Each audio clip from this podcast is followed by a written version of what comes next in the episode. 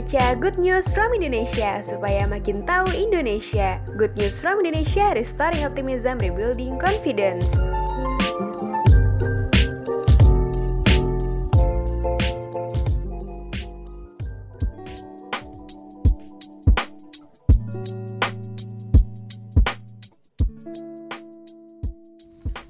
Halo kawan Genevi, kembali lagi di Good Voice, Good News from Indonesia.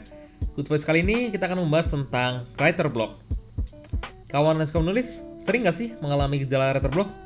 Biasanya, penulis yang mengalami gejala ini merasa tidak memiliki ide kreatif lagi dalam dirinya. Tidak jarang penulis dengan gejala writer block merasa ingin menyerah. Pernahkah kawan merasakan gejala ini saat ingin menulis? Penyebab umum gejala writer block ada tiga hal. Pertama, tentang waktu.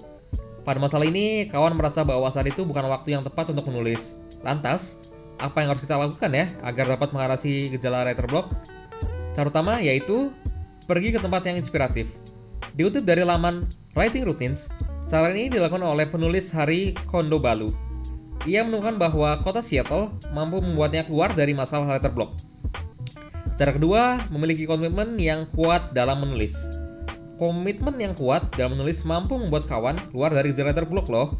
Seorang penulis kolom dan redaksi The Daily Beast bernama John Allen berkata bahwa memiliki komitmen yang kuat dalam menulis akan membuat kawan memiliki pemikiran yang tajam.